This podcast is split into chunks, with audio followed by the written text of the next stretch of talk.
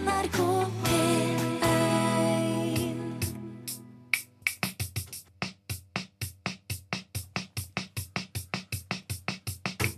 Lyden av rytmeboks er lyden av utakt, med godt humør på mandagskvelden ved Per Øystein Kvindesland og Bjørn Olav Skjæveland.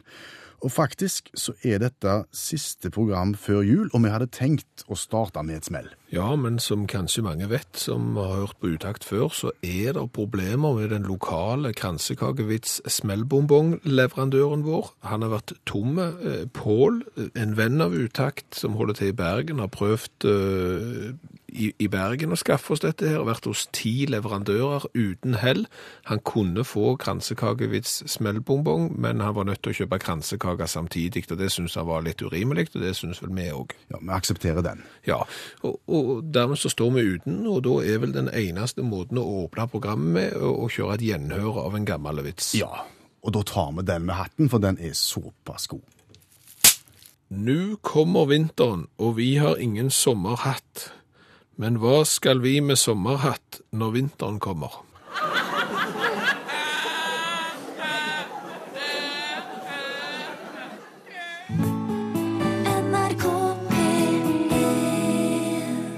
Skal vi bare si at dersom du som hører på har lyst å, å melde oss et eller annet og fortelle oss noe, så har du flere kanaler inn. Du kan bruke SMS 1987, start meldingen med utakt og si hva du vil. Ja, og så er det noe som heter Facebook. Gjerne noen som har hørt om det. Det er et relativt nytt produkt som er kommet. Men, men søk opp eh, utakt med skråblikk i fokus på, på Facebook, så er vi der. Der kan du kontakte oss. Ja, Og fax er vi ikke på. nei. Men, men gjør gjerne det, og så, vi, så skal, tar vi opp det, og så gjør vi hverandre gode, som vi liker å si i dette programmet her. Du, vi må ta og snakke litt om det som skjedde i forrige uke på fredag. Ja, fordi at eh, flere folk har sikkert opplevd det å, rope på en person som du tror er den personen du roper på, og så snur vedkommende seg, og så Så var det ikke det. Nei. Det blir litt svett, og så, men så smiler du litt, og så går det greit. Ja, eh, så det er kanskje litt færre personer som har eh, forsøkt å rope på en person som de tror er den personen det er, men som faktisk Oi, det var visst den personen, men det er naboen som snur seg. Ja, Den er litt sjeldnere. Den er litt sjeldnere, Ja. og, men den er litt ubehagelig den òg, for Den- du får litt sånn forklaringsproblematikk. Ja, eh, og så tror jeg at det er relativt få, da, da er vi på enda færre, som har opplevd det å rope på en person som de er helt bombesikre er den personen som du roper på. Ja. Men snur vedkommende seg nei, men det er en kjendis som snur seg i stedet for. i stedet for. Det har hendt i virkeligheten. Det hendte i virkeligheten, og, og det Vil vi gjerne fortelle om nå. Ja, for, for altså flaut, flaut og flaut, men, men det hadde seg nemlig sånn at eh, vi to som sitter her i studio og snakker i radiokabinettet ditt, vi, vi satt og skrev noen manuskript som vi syntes var artige, og så var det en vi skulle ha snakket med i den forbindelsen. Vi skulle ha snakket med en Arild. Ja, det var lenge siden vi hadde snakket med Arild, og vi trengte Arild til akkurat det vi holdt på med. Så vi bestemte oss for at vi går og ringer Arild. Ja, og så skjer det, og det er nesten sånn at da begynner du å tenke, finnes det en makt her som er større enn oss selv, og, og en sjette sans og alt det der, du var rett før TV Norge ringte, følte vi, for i det vi snur oss og ser ut glassdøra, så går jo Arild forbi. Arild som vi ikke har sett på over en måned, for Ja, eksempel. og Arild har- hører egentlig, han hører ikke til der som vi sitter, men tilfeldigvis så er Arild der. I lokalet. Ja, og det, det er klart, da triver du døra opp Ja. og stormer ut på gangen. Og hva, hva ropte du da, Skjebne? Ja, men det er det som er så fint, vet du. For Arild kjenner du jo, sant? Så dermed så kan du ha en litt tøffe tone med han Arild, uten at det blir pinlig, sant? For det er liksom sjargongen mellom oss og han Arild, sant? Ja, sk- Snu deg litt vekk fra mikrofonen, og så rop det som du ropte til Arild. Hei du! Må du komme her! Nå! Sa du til Arild. Ja. Eh, Det vi ikke så akkurat da, det var at Arild hadde ei dame på sida av seg. Ja, han hadde såkalt følge. Ja, Hun hadde pels. Hun hadde pels, og, og det som skjedde var at Arild, han snudde seg ikke. Nei, Men damen med pels snudde seg. bråsnudde seg og kom imot oss inn i lokalet. Og det viste seg at det var Carola Heikvist. kjent for fremling. Ja, og det er klart at når du da kommer inn i et lokal, og det er en som triver opp ei dør, og i kommandoform sier at du, nå må du komme på plass her. Og det med en eneste gang.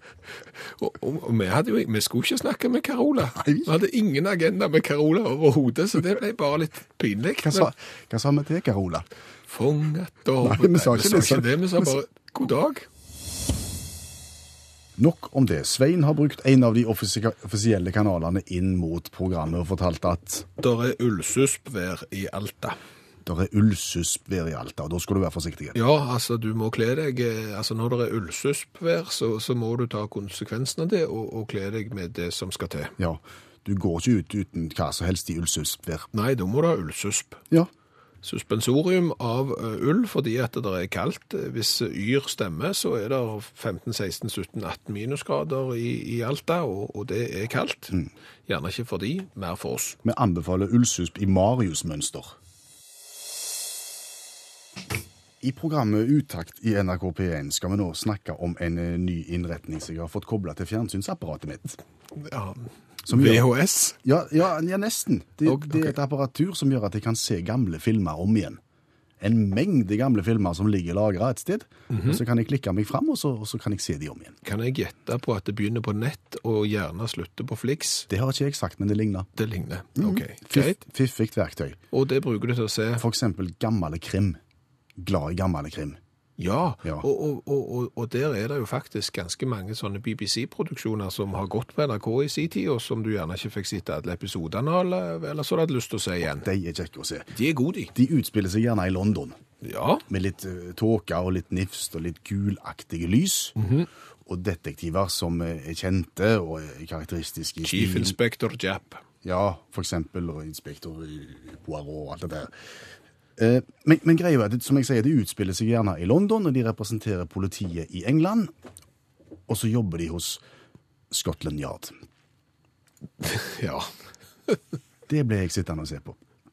Så du, du Alle engelske politietterforskere som løser det ene etter det andre, de jobber hos Scotland Yard. Ja. Ikke England Yard. Det var hva er galt med det? Nei, det er bare litt rart. Jeg tenker altså, Varg Veum fikser ting i Norge for det svenske statspoliset. Skjønner du hvor jeg skal hen? Ja, men, men, ja, men bare så vidt. Altså, da har du hatt muligheten til å kose deg med, med britisk krim, og så har du sittet der og brukt tankerekka di istedenfor å finne ut hvem som har partert hvem, til, til å lure på hvorfor i all verden jobber de i Skottland Yard når de vitterlig er i London. Ja, nettopp. Ja.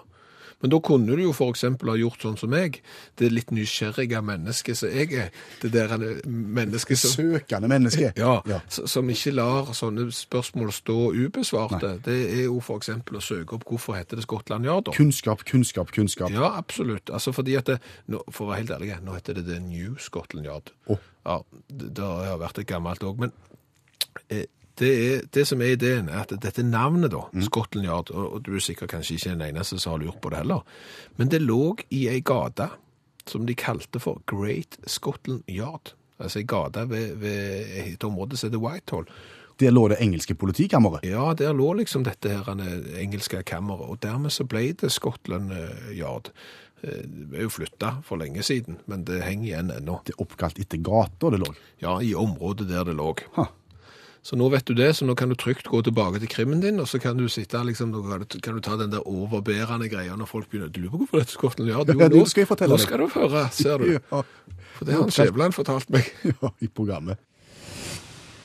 Utakt i NRK P1 hvor vi slo fast at uh, Scotland Yard i England heter Scotland Yard fordi at det opprinnelig lå i ei gate som heter det. Ja, det lå i et område som ble kalt det, og så flytta de i 1890, og da er det greit å ikke forandre på, på det. Og Øyvind har jo eh, sendt en SMS til 1987 som han starta med utakt, og kan minne oss om at politihuset i Oslo, det ligger jo på Grønland. Ja. Så derfor så er utrykningstida litt lang. Mens eh, politihuset i Stavanger ligger bare noen få hundre meter fra paradis. ja, tolk det så du vil.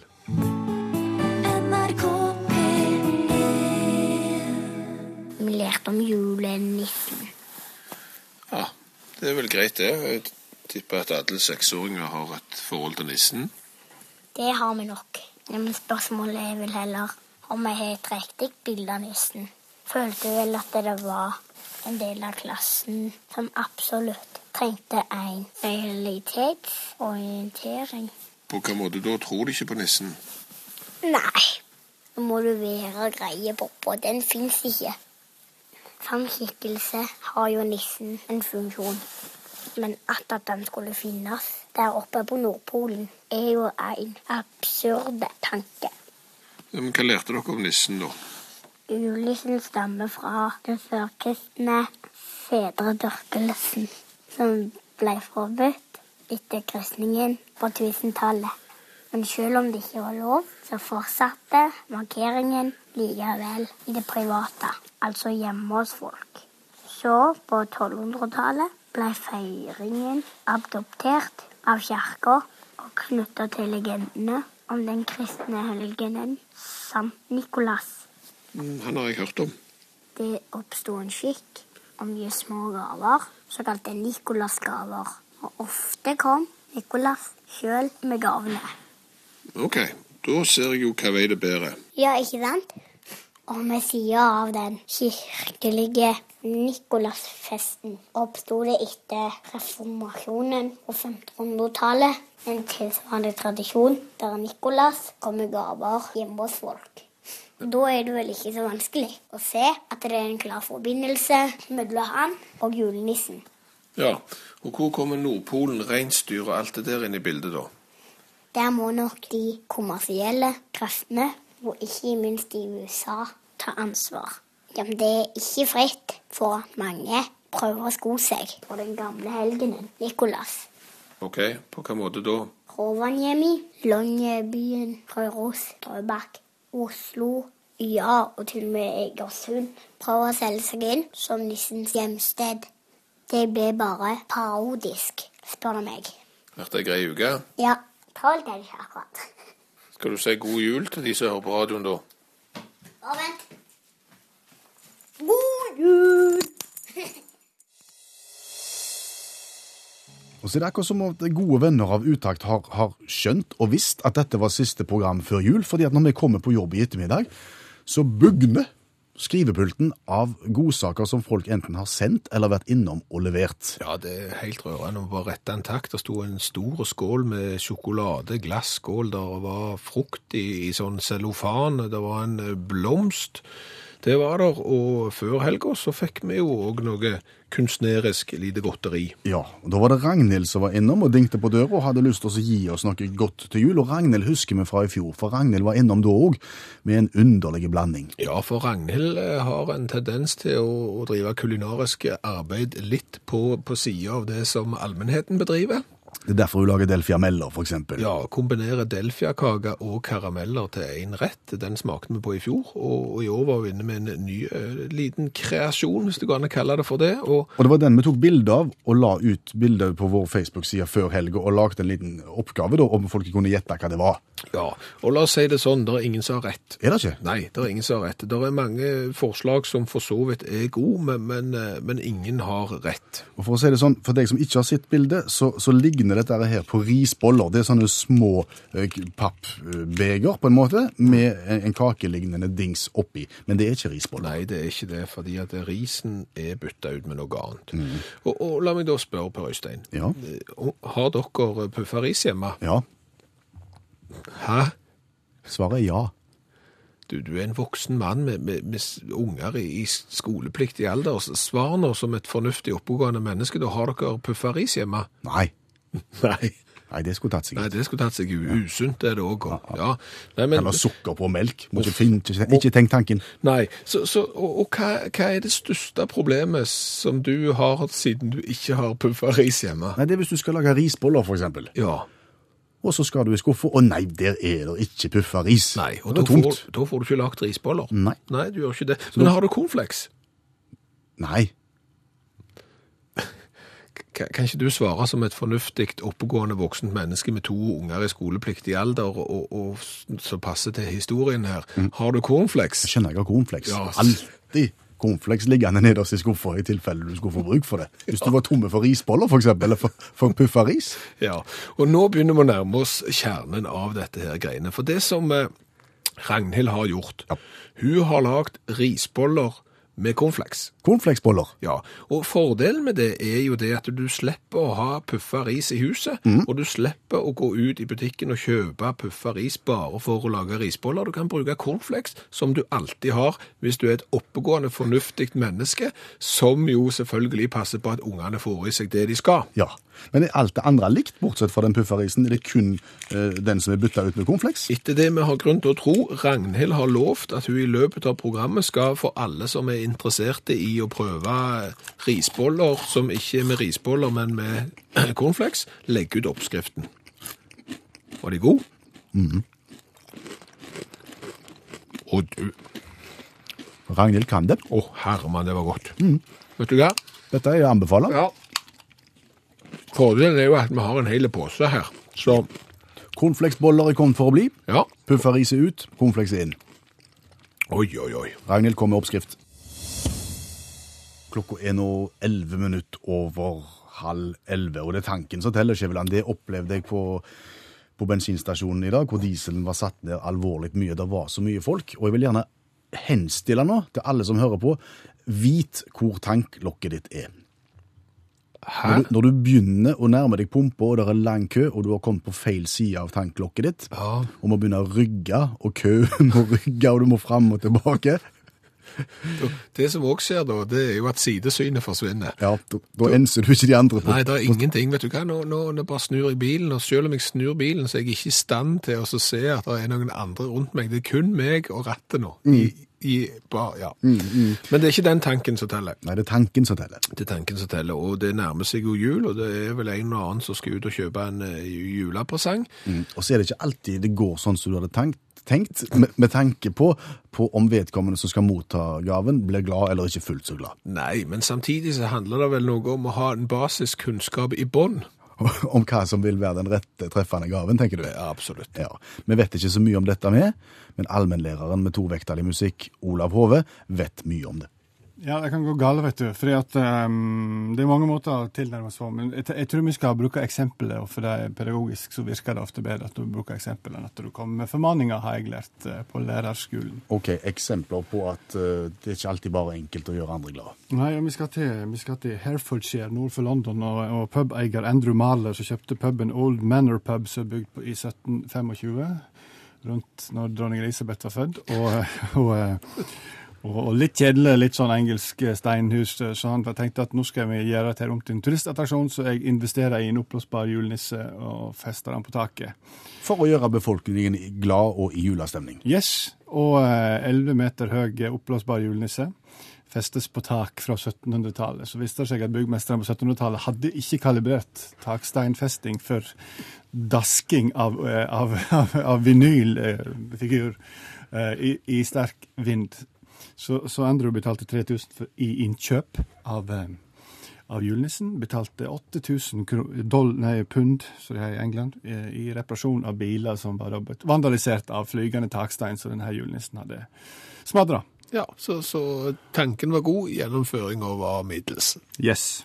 Skal vi gå til Amerika? Ja, har, har du flere eksempler? Ja, David Simmons, strålende fyr fra Tennessee, skulle gifte seg her i 2009 og, eh, til sommeren, da vel å merke. Og før jul så trefte han ekskjæresten sin på butikken og sa hei, går det greit med deg? Nei, det gjør ikke det, sa hun. Det går ikke bra med meg, jeg føler meg dårlig, jeg føler meg tjukk, og jeg føler meg stygg, og jeg føler meg Nei, er ikke greit. Så han ga henne en klem og gikk hjem og begynte å skrive julekort. Og tenkte dette her var dumt, eh, tenkte David, og det var kjipt. Stakkars ekskone, eks, ikke ekskona, men ekskjæresten min. Dette var ikke greit. Så jeg tenkte, vet du hva, jeg skal og sende henne et julekort òg. Skal jeg ta og sende med henne et bilde, for jeg har en del fine bilder, og så skal jeg skrive gode ord til henne. Så han strømde gjennom bildene sine, og da fant han oi, et nakenbilde òg. Tenkte jeg, ja ja, jeg sender det. Så skrev han da hvem vil ikke ligge med ei sånn vakker dame, skrev han, og sendte den på mail da til sine kommende svigerforeldre. Manglende IKT-kunnskap der, da. Um, Han, han sendte bilder av eksen sin, som han skulle være snille med, men han sendte det til sine nye tilkommende svigerforeldre. Ja, det med, med, med en tekst der han ønsket å ha samleie med eksen sin. Ble saksøkt for ærekrenkelse og enda ikke gift. Um, god tanke, dårlig gjennomføring, rent IKT-messig iallfall. Fort gjort. Ja. Andre eksempler? Ja, det er det her med, vet, Vi menn får jo mye kritikk for vi kjøper feil til damer, liksom. Her har vi et annet eksempel. da, fordi at uh, John, John Denver, heter han nei, Freddy Denver og John Tresher, beklager, de hadde da sesongkort til Chelsea sine heimekamper på Stamford Bridge. De, had, de hadde sesongkort. Ja, ja, ja, de hadde det hvert år, og de brukte mye penger på det. Satt midt på, rett bak benken, og beste plassene du kunne få. liksom. Da. Og så på um, sete nummer B14 ved sida av, av Freddy, uh, det var ledig.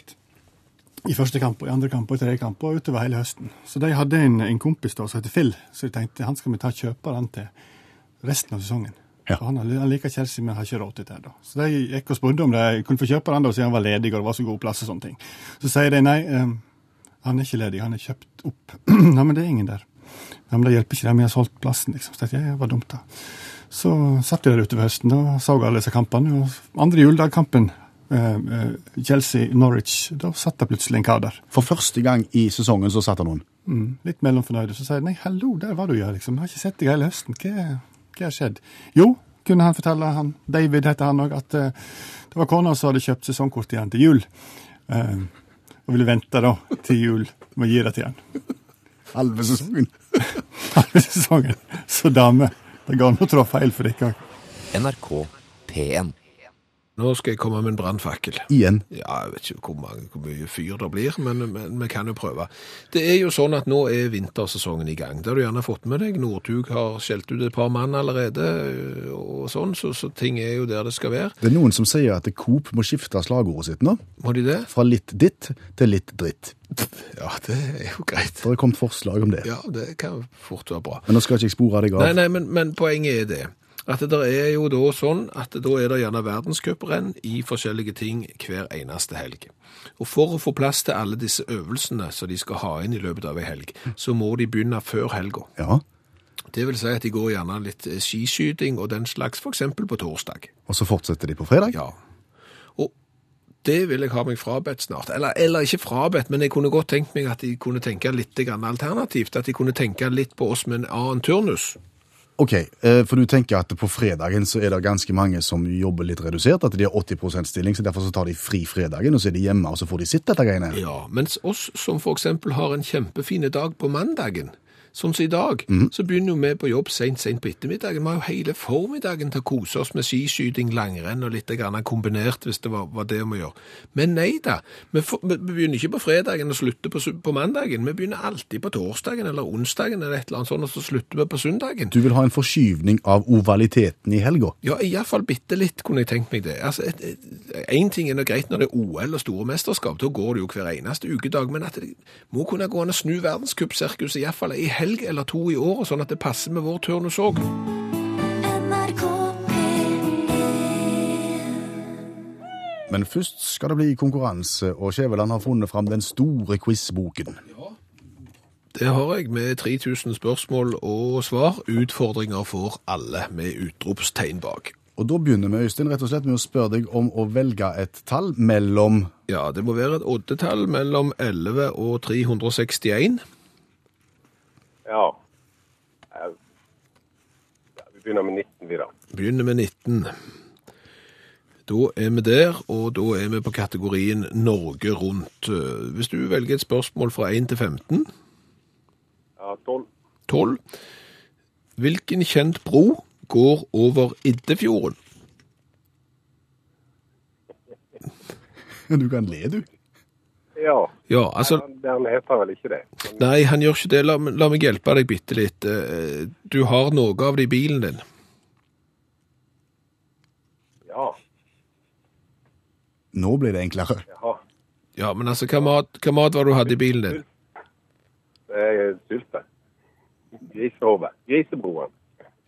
Ja, ikke verst, men litt langt unna. Egentlig ikke så veldig langt unna, men, men grisebroen, det, det er klart det har jo blitt frakta en del gris over der, og, og, flesk og, og brennevin og, og den slags, men det er Svinesund.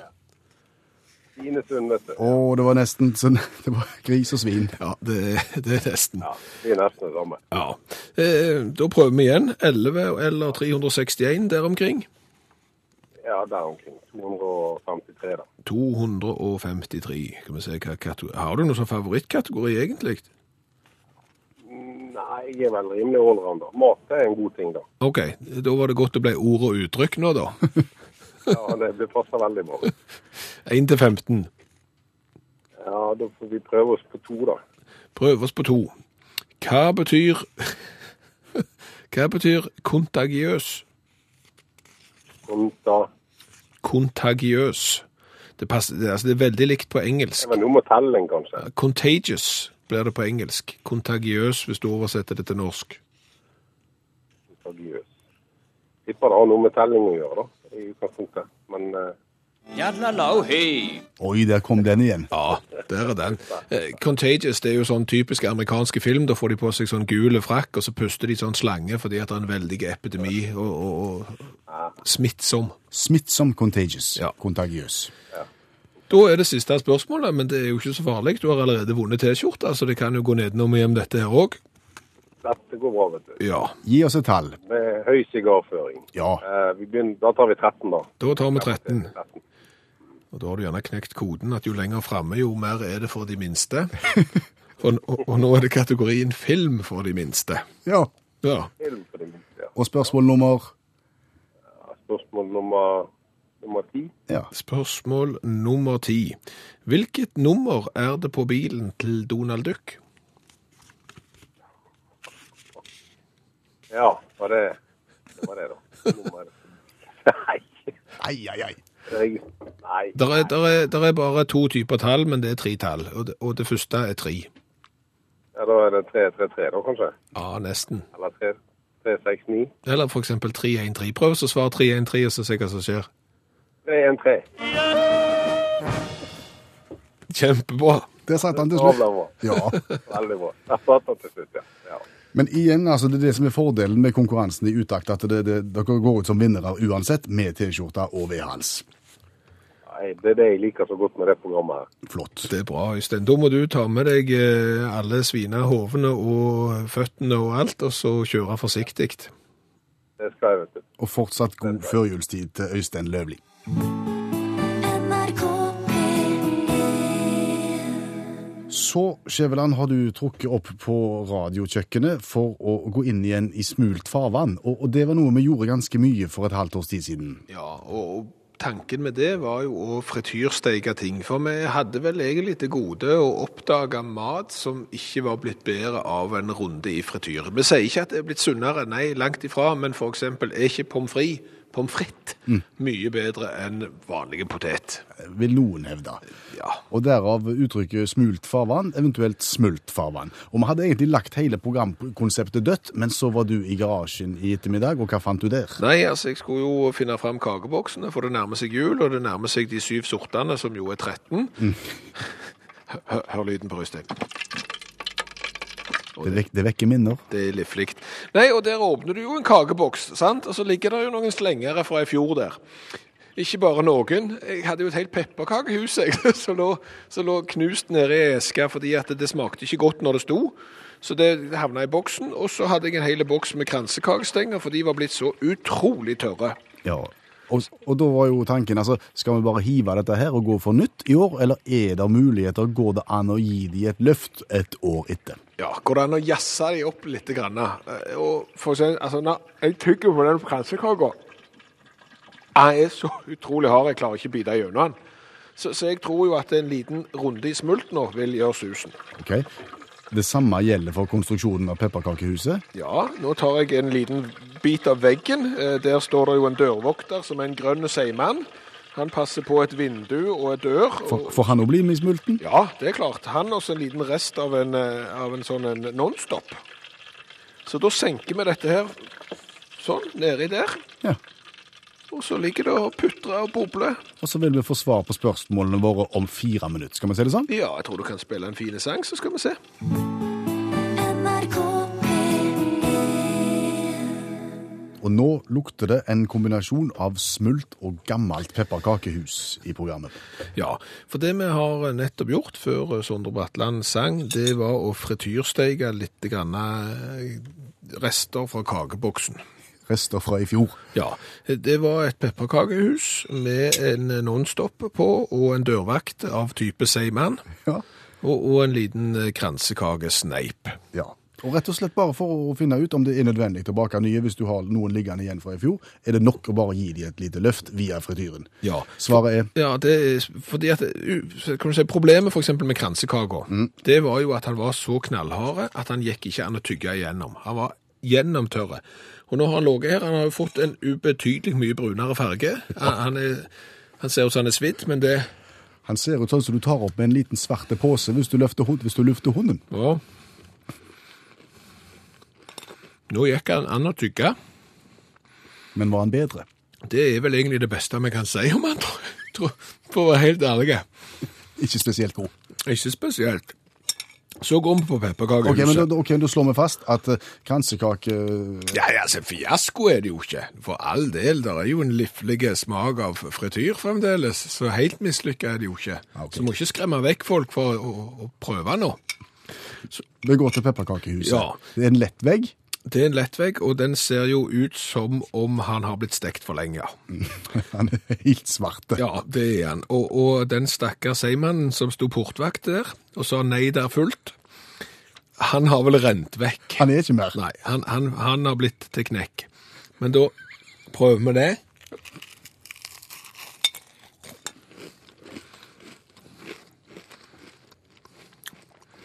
Det var ikke hakket bedre. Og det som er litt rart, her ser du at det, har kommet popcorn på den. Og det tror jeg er rester fra det forrige som vi frityrstekte, for vi har ikke bytta frityrolje. Så her er det pepperkaker med smelta seigmann og en snev av popcorn. På en seig av popkorn. Ja. Ja. Konklusjon?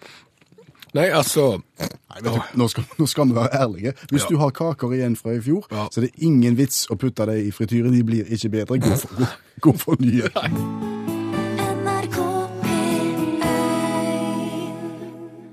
Og nå må du følge med, sa du. Nå må du følge med. Ja, vi vet det at forbrukerstoff, det er godt stoff.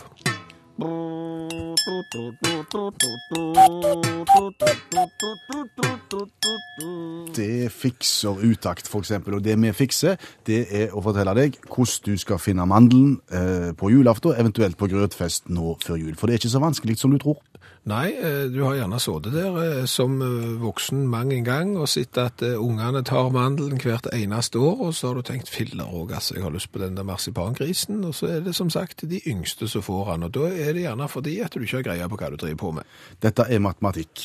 Så vi satte denne her saken ut. Vi henvendte oss til en matematikkekspert. Eller det vil si, han er jo frisør, egentlig. Ja, han er egentlig frisør, men så fikk han eksem, og så omskolerte han seg til matematikk, og så fikk han med seg noen sånne fysikklærere i tillegg, og så hadde det noe med viskositet og greier, og så hele kollegiet da har da funnet fram til hvordan du skal finne mandelen i grøten. Ja, og representert ved Oddgeir Sværen, så forteller de her hva denne teorien går ut på, og hva den heter. Mandelkjerneteorien. Og den går kort og greit ut på Nei, Det sier noe om hvor en kan forvente at mandelen er plassert i en tilfeldig gitt skål. Dette høres lovende ut. Fortell meg. Ja, altså Vi har gjort en liten undersøkelse hvor vi har eh, kontrollert og sjekka med et tilfeldig utvalg mennesker. Over 50 eh, plasserer mandelen litt til høyre for midten når de danderer og lager til grøtskålen på julekvelden. Ok, men så rører de jo rundt. Jo, men da sier teorien det at det, det er nok slik at det, selv om det blir rørt rundt, så vil nok ikke mandelen særlig Det skal ganske mye til for at mandelen treffer, eller at røreredskapen treffer mandelen, slik at vår teori sier da at mandelen ligger nokså i ro. Litt bevegelse, men ikke særlig mye. Har dette noe med beskaffenheten til grøten å gjøre? Ja, altså grøten har en veldig høy viskositet. Den er tung, tett, eh, og mandelen er en lett gjenstand, så den vil jo selvfølgelig da ikke synke til bånn særlig lett, og vil ligge relativt høyt. De fleste verter, vertinner, de vil øse litt grøt oppå mandelen. Så vi regner med da at mandelen er en, kanskje mellom 3 og 5-5,5 cm kanskje fra toppen. Og litt på høyre side av midten, altså. Men da tenker jeg skåla er runde, og hvor er høyre side av skåla? Ja, da er det veldig viktig det du skal gjøre da på julekvelden eller første den grøtserveringsdagen. Du må følge nøye med. for um, Tenk deg verten står foran skålen, legger den til høyre, rører litt rundt. og Så tar hun selvfølgelig på høyre side av skålen og bærer inn. Så du må se hvor er den høyre siden av skålen når verten kommer inn. Og det blir da til Venstre for meg. riktig. Så du må servere, nei, du må forsyne deg litt til venstre. Det er viktig at du forsyner deg sjøl, og du bør arbeide litt for at du får forsyne deg først. Og det kan være en litt sånn pinlig uheldige situasjoner som oppstår. Skal jeg gå litt over likt og, og, og tving, tvinge meg fram foran småbarn, f.eks.? Alternativt så kan du ta på deg den litt rause eh, onkelrollen og si at 'jeg kan forsyne deg'. Og så skraper du langs kantene, for der er det liten sannsynlighet. Altså minst sannsynlighet langs kantene, og faktisk midt i midten. NRK P1 Skjæveland, de tre vise menn kom til stallen med gaver, og de kom med Gull og herpiks. Ja, de, de gjorde det. Mange vil hevde det var gull, røkelse og myrra. Ja, da kan du si de kom med gull, herpiks og herpiks. Fortell. Nei, men altså, gull er gull. Eh, Røkelse, det er herpiks fra ett tre, og myrra er herpiks fra et annet tre. Så, så Jesusbarnet fikk gull og herpiks. Men, men eh, røkelse, du, der skjønner du jo litt hva greia er, sant? Det er myrraen som Ja. er den vanskelige biten. Ja, for, for, for eh, røkelse, det er jo eventuelt noe du setter fyr på, og så går du rundt i poncho inne, eventuelt nagen, og hører på Enja, Det gjør du nå. for, for eksempel. Men murraen, da? Myrra, jo, nå skal du høre det. Altså, vi, vi var jo innom dette bitte litt eh, forrige uke, og folk har jo spurt om eh, vi kunne foredra om murraen. Fordi at murraen var datidens vidundermiddel. Så denne herpiksen for dette treet ble brukt til uendelige ting. Det ble gjort om til sånn pulverlignende greier. Var du tett i nasen, så snuste du gjerne litt myrra. Ser du det? Ja, så sånn sett så fikk jo eh, Jesusbarnet gull, røkelse og snus. Ja. Og, hadde du dårlig ånde, så tygde de gjerne myrra. Hadde du gått lenge på, på heden og gjett dine sauer, eksempel, og, og var blitt litt eh, Svett i armhulen? Ja, så, så eh, strødde de på litt grann av myrra. For og, og sånn sett så kan du si at eh, hvis du setter det på spissen, at Jesusbarnet fikk gull, røkelse og deodorant.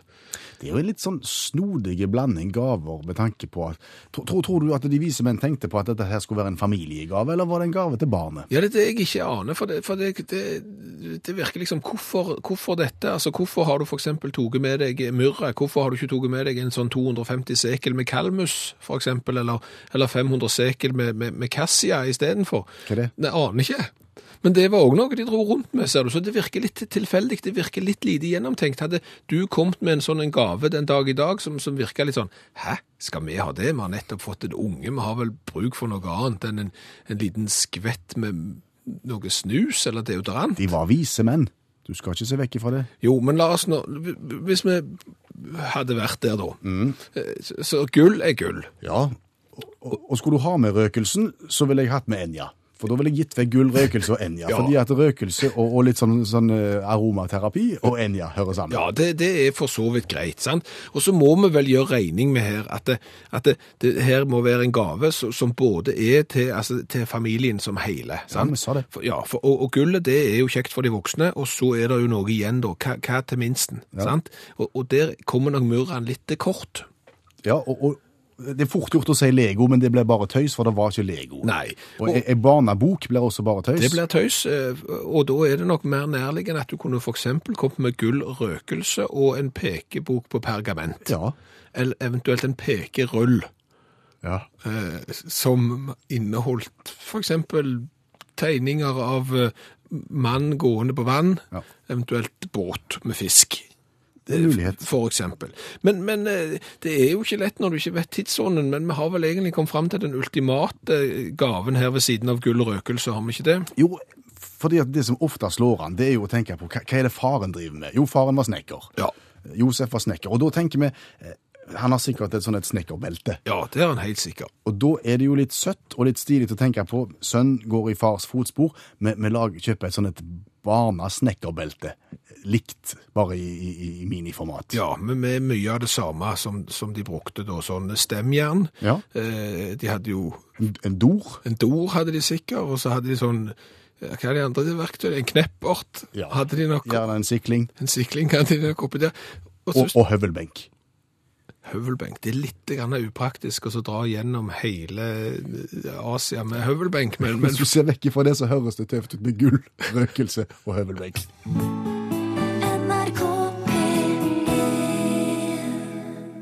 Før vi legger på røyre i kveld, Skjæveland, så må vi takke. Og vi må takke først og fremst for maten, kanskje. ja, det har vært mye mat i dette programmet. En stor takk til Ragnhild, som har gitt oss oppskriften på eh, cornflakes eh, sjokoladeboller uten pufferis. Takk også til alle andre som har bidratt til at det har blitt et kjekt program. Per Øystein Kvindesland heter jeg, du heter Bjørn Olav Skjæveland, og de voksne i NRK har bestemt at nå skal vi ha oss en liten juleferie. Ja, og vi gjør jo som vi får beskjed om. Ja. Det gjør vi, men vi kommer tilbake igjen 30. desember, og da skal vi jazze det opp mot eh, nyttårsaften. Og det er klart at hvis du opplever oppsiktsvekkende ting i jula som bør være med i det programmet, Så ta notater. Ja. Og, og, og husk det, og bidra i programmet på lille nyttårsaften. For jeg tenker at det er jo et program for refleksjon. Da Ja. ser vi litt bakover, og så ser vi litt framover. ja. Nå ser vi mest framover mot julaften. Ja, gjør vi ikke det? Hør flere podkaster på nrk.no podkast. NRK